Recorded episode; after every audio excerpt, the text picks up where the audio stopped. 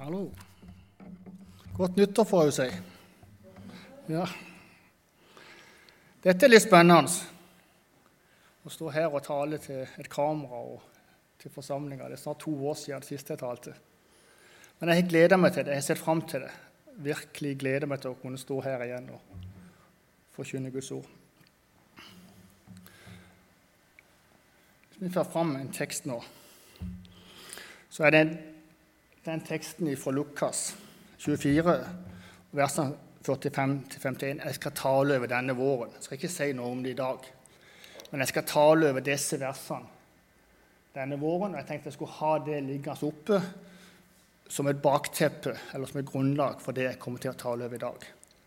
I dag kommer jeg til å konsentrere meg om det som skjer i disiplene sitt liv rett forut for når, de får disse ordene av Jesus. Og eh, jeg vil gjøre det, for jeg tenker at her er det noe som Herren vil ha fram. Det er noe han vil si til menigheten gjennom dette. Og litt for det at det jeg kommer til å si i dag, er at jeg kommer til å fokusere på mitt og ditt forhold til Jesus. På ditt og mitt forhold til kallet som vi har fått. Og jeg tenker at alt arbeid i Guds rike, det starter med vårt forhold til Jesus. Det starter med hvordan vi forholder oss til kallet som vi har fått. Dere ser jeg er litt opp og ned med brillene her. for Når jeg ble sjuk, så kjoste jeg vekk brillene mine. Jeg mista de. Så, så jeg har som sitter hjemme nå, så prøvd med masse billige briller prøvd å finne ut hva det er som passer best. Så Derfor blir det litt sånn stress med akkurat det. Men jeg håper dere klarer å se bort fra det. Og jeg tenker jeg skal si litt om det som skjedde før denne teksten her. Og jeg tenker Det handler om at det var tida etter Jesus var død. Han var død, han var blitt korsfesta. Og jeg tenker disiplene sitter nå og kjenner seg nokså alene, og jeg tenker de er nokså frustrert. Og jeg tror ikke de skjønner så fryktelig mye av det som er skjedd. Vi leser at de sitter innelåst på et rom i Jerusalem, på øvre sal. Og de, og de sitter her, og de er redd. De sitter her i frykt for jødene, leser vi. Og jeg tror at de har temmelig vanskelig for å ta dette inn over seg, at Jesus virkelig er død. Lederen deres er død. Guds Messias, han som skulle gjenopprette ro og orden, han som skulle sette Israel fri, han var død. Jeg tror ikke de skjønte så veldig mye av det som hadde skjedd. Og jeg tenker at dette var ei tung tid for dem, og spesielt for Peter. Han hadde jo banna og sverga på at han ikke kjente Jesus. Og jeg tenker at nå sitter Peter igjen der, full av skam og full av fortvilelse. Og fortvilelse over at det, Tenk, nå var Jesus død. Det var for seint. Han kunne ikke få gjort det opp igjen. Jesus var borte for alltid. Men så, den tredje dagen, så skjer det noe helt spesielt, noe uforutsett, noe ikke de hadde forventa, der de sitter på, bak lukka dører. Plutselig så er det noen som banker på, og så kommer det ei dame inn til dem. Så kommer Maria Magdalena. Fykende glad, tenker jeg. Hei, hør, gutter. Jesus lever. Han er stått opp igjen. Jeg har møtt han. Og han har gitt meg en beskjed. Jeg skal gå og hilse dere og si at han vil møte dere i Galilea. I Galilea Det var jo det Jesus hadde talt om rett før dette. På skjærtorsdag, etter måltid på vei til Getsemane, så hadde han jo fortalt dem at dette skulle skje. Han skulle dø og stå opp igjen tredje dag. Men så ville han møte dem igjen i Galilea, så de måtte gå til Galilea. Men jeg tror ikke de hadde skjønt dette her. Og Selv om Maria kommer med denne beskjeden, så tror jeg ikke de skjønner det da heller, for det står at de, de, trodde henne ikke. Og Det ender jo med at Jesus sjøl må komme til dem. Og Jesus kommer i egen person. Men allikevel så tror jeg ikke det går opp for dem. Om Vi kan lese at åtte dager seinere så kommer Jesus igjen, og da sitter de ennå der og sturer. Men neste kapittel, Johannes, kapittel 21, så leser vi at det at de nå er kommet opp til Galilea. Så har jeg en tanke rundt det her. Hvorfor var det så viktig for Jesus å få dem opp til Galilea? Hvorfor måtte de komme dertil? Var det ikke, kunne han ikke like godt sagt det i Jerusalem? Når han møtte de der, når han kom inn i rommet det sitt, kunne han ikke like godt sagt det der? Hvorfor var han så ivrig for å få dem opp til Galilea? Det er noe av det jeg skal si litt om etterpå. Men først vil jeg si litt om disiplene. Vi leser at de kommer til Galilea. Vi leser at det at de kjenner ikke Jesus, så de går ut og fisker. De er ute og fisker, de er hele natta ute på sjøen. Morgenen kommer, og de kommer inn til land. Allerede før det blir helt lyst, så står Jesus der på stranda, og så roper han ut til dem. 'Hei, har dere fått noe fisk?' Og De må jo bare innrømme at de ikke har fått det. Og Det er da det kommer at Jesus ber de kaste garnet ut på høyre side av båten. Og Så gjør de det, og så drar de opp garnet igjen. Og det er jo så fullt av fisk at det, at det holder på å revne. Og så står det noe rart. Så står det at det at de telte opp fiskene, så var det 153 fisk. Det er jo litt rart at det står det tallet 153. Men jeg hørte en gang en si at det at Jeg kan ikke bekrefte det, jeg har ikke slått det opp. Men det var en som fortalte en gang at dette var så mange fiskeslag de kjente til på denne tida. 153. Så mulig at tallet og denne fiskefangsten gjorde at de ble minnet på det som vi leser om i Lukas 5,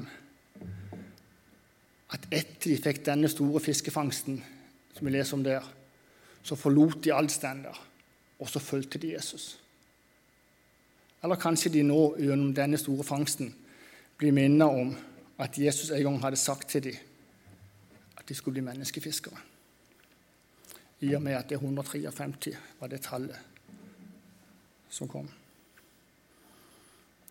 Og jeg tenker at det er her i Galilea, det er her på denne stranda, at disiplene får en ny start. De får en slags restart i livet. I hvert fall så får Peter det. For nå får Peter endelig møte Jesus, og nå får han gjort opp med han.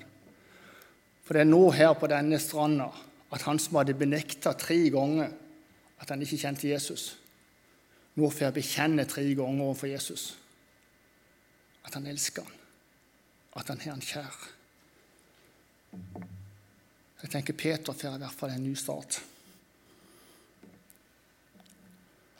Og jeg tenker det Jesus nå gjør her på denne stranda, i og med denne fiskefangsten og det som skjer, det er at han demonstrerer sin makt. Jeg tror det er et poeng i det. For nå viser Jesus at han er den samme nå som han var før. Altså, De hadde jo gått sammen med han i tre år og sett han gjøre store ting gjør under og mirakler. Men var han den samme nå, etter han hadde dødd og stått opp igjen? Jo, de kunne stenke skuldrene. Han er den samme. Han har ennå makt til å gjøre under.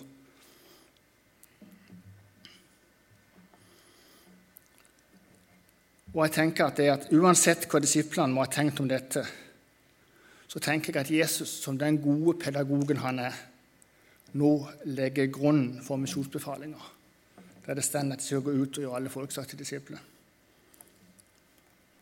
Jeg spurte i stad hvorfor var det så viktig for Jesus å få disiplene opp igjen til Galilea, opp igjen til der alt starta. Jo, for jeg tror det var nettopp derfor. Det var nettopp her alt starta. Og jeg tror det var det Jesus ville minne dem på. Han ville minne dem på den første gangen han hadde møtt dem, eller de hadde møtt han. Jeg tror han ville minne dem på at det var her de fikk kallet om å følge ham. Og Det var her han sa at han ville gjøre det til menneskefiskere.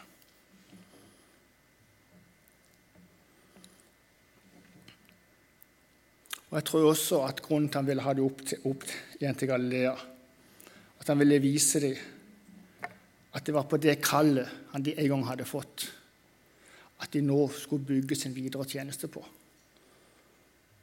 Og at det var på dette kallet de skulle gå ut i verden med evangeliet. Og at det var på grunnlag av dette kallet at de nå fikk misjonsbefalinger. Ja, for ifølge Matteusevangeliet, sånn som jeg leser det, så er det nå de får misjonsbefalinger. Befaling om å gå ut og gjøre alle folkekarakterene til disipler. Døpe de i Faderens, Sønn og Helligåndens navn og lære de å holde alt det han har befalt dem. Og Det er her de får løfte om at han vil være med dem alle dager inntil verdens ende. Sagt på en annen måte her blir kallet fornya, og disiplene får oppdraget som vi leser om i Matteus. Kan du ta opp det, Matteus 28, versene 16-20?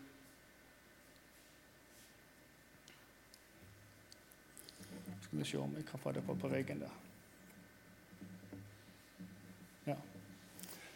Og Der ser dere vers 16. Men de elleve disiplene dro til Galilea, til fjellet der Jesus hadde sagt han ville møte dem. Og, de fikk, og Da de fikk se ham, falt de ned og tilba ham, men noen tvilte. Da trådte Jesus frem og talte til dem. Jeg har fått all makt i himmelen og på jorden. Gå derfor og gjør alle folkeslag til disipler. Døp dem til Faderen, Sønnen og Den hellige ånds navn, og lær dem å holde alt de har befalt dere. Og se, jeg med deg alle dager inntil verdens ende. Jeg tenker det er nå de får den misjonsbefalinga i Galilea. Uansett så tenker jeg at for disiplene så blir denne dagen en merkedag i livet sitt. En dag de for alltid vil huske.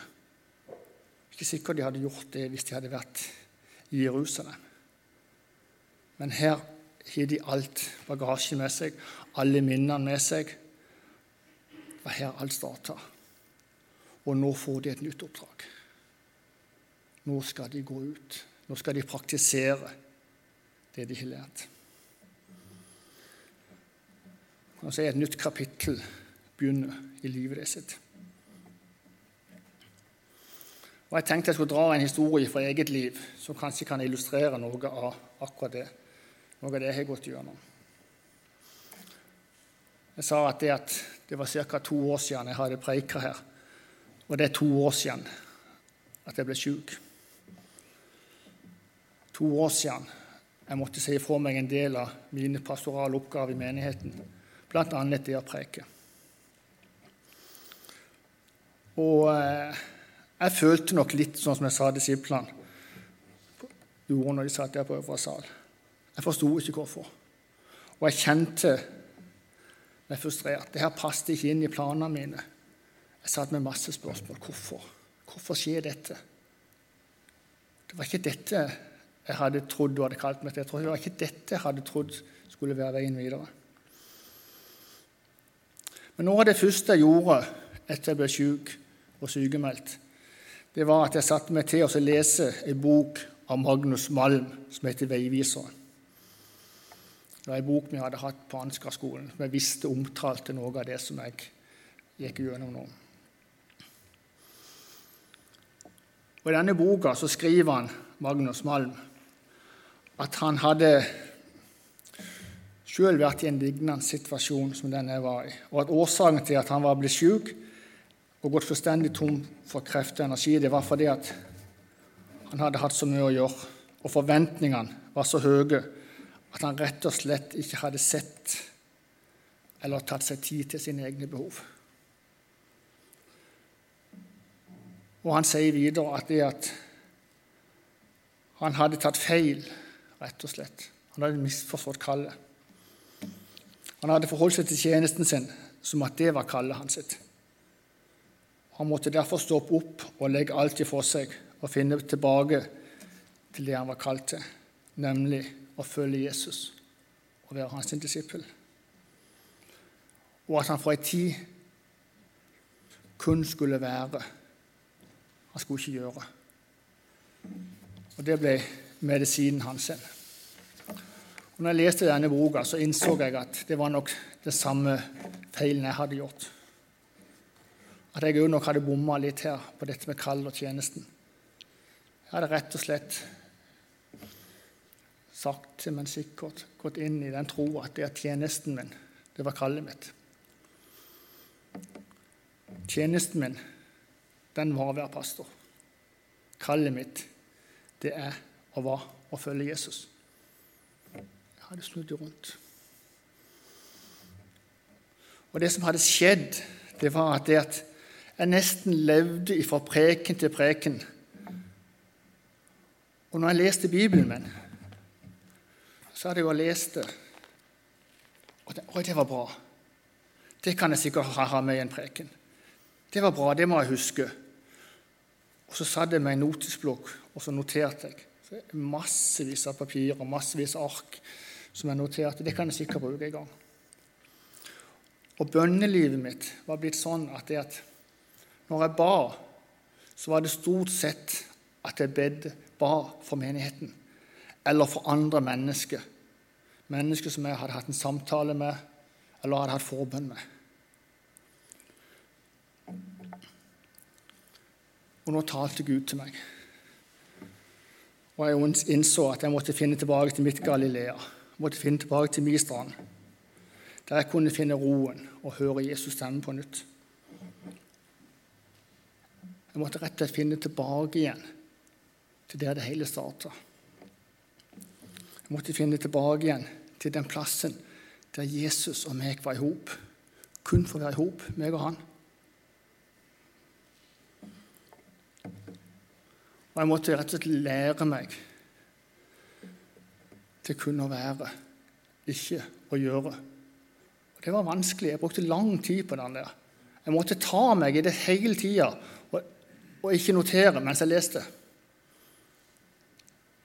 Jeg sleit lenge med det der. Jeg tenkte hele tida Jeg var i den der Dette er sikkert en god prekentekst. Dette er godt utkast til neste tale. Måtte, og det var vanskelig å legge fra seg den notboka, men jeg klarte det. Og jeg tenker Det handler om at jeg måtte finne tilbake igjen til min Maria-posisjon. Jeg måtte sette meg ned med hans sine føtter. Jeg måtte lese og be kun med det i tankene at nå skal han og meg være i hop. Ikke hva det sier det videre. Og etterpå klokskapen så tenker jeg at, at jeg ble nok så fokusert på pastorjobben og på alle behovene i menigheten at jeg rett og slett glemte å prioritere egne behov og egen lønnkammertid. Hvorfor sier jeg alt dette? For jeg tenker at kanskje det er noen, enten hjemme eller her, som kan kjenne seg igjen i noe av dette. Som kanskje kan kjenne at de er sliten, kanskje kan kjenne at de er frustrert. Kanskje noen kjenner at, det at menighetsliv føles mer som krav og mas enn som glede og velsignelse.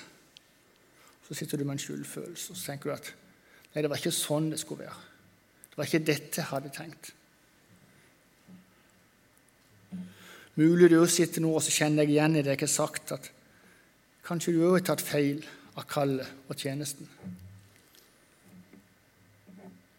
Mulig du òg da trenger å komme tilbake igjen til ditt Galilea, til den stranda der du først møtte Jesus, der du fikk kallet om å følge han. Og jeg sier kallet vårt, det er ikke tjenesten vår. Kallet vårt er å bli og følge han.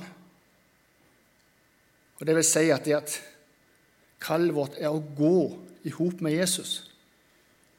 Gå sammen med han der han går. Leve i hop med han der han er. Det er det som er kallet vårt. Og når vi gjør det, så vil han kunne påvirke oss. Han kunne prege oss og utøve sin innflytelse i våre liv. Oppdraget tenker jeg, som disiplene her fikk, det var klart. De skulle gå ut med evangeliet, og de skulle gjøre alle folkeslag til Jesu disipler. og de skulle dø på å gi videre det de hadde sett og lært av Jesus. Det var det kallet de hadde. Det var det oppdraget de fikk. Og jeg tenker at det at dette oppdraget om å gå ut med evangeliet, det har gått videre fra generasjon til generasjon til generasjon. Og nå er det vi i dag, vi her inne, som har overtatt den stafettpinnen. Og jeg tenker Det er de samme forutsetningene i dag som det var den gangen. Det begynner alltid med oss. Det begynner alltid med vårt personlige forhold til Jesus. Og det begynner med hvordan vi forholder oss til kallet vårt om å følge Han.